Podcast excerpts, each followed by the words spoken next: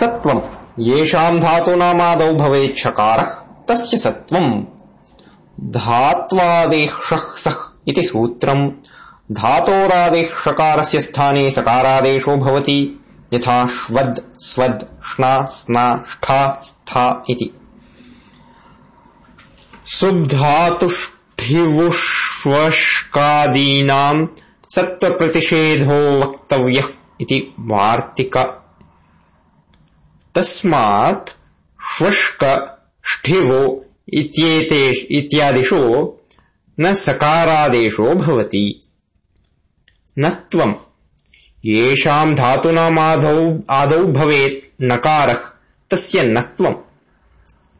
नो नः इति सूत्रम्। नट इति औपदेशिकधातौ, नट् इति धातुः लभ्यते, सिद्धधातुः। नुमागमः येषाम् धातूनाम् भवेतित्संज्ञा तत्र नुमागमः। इदितो नुम् धातोः इति सूत्रम्।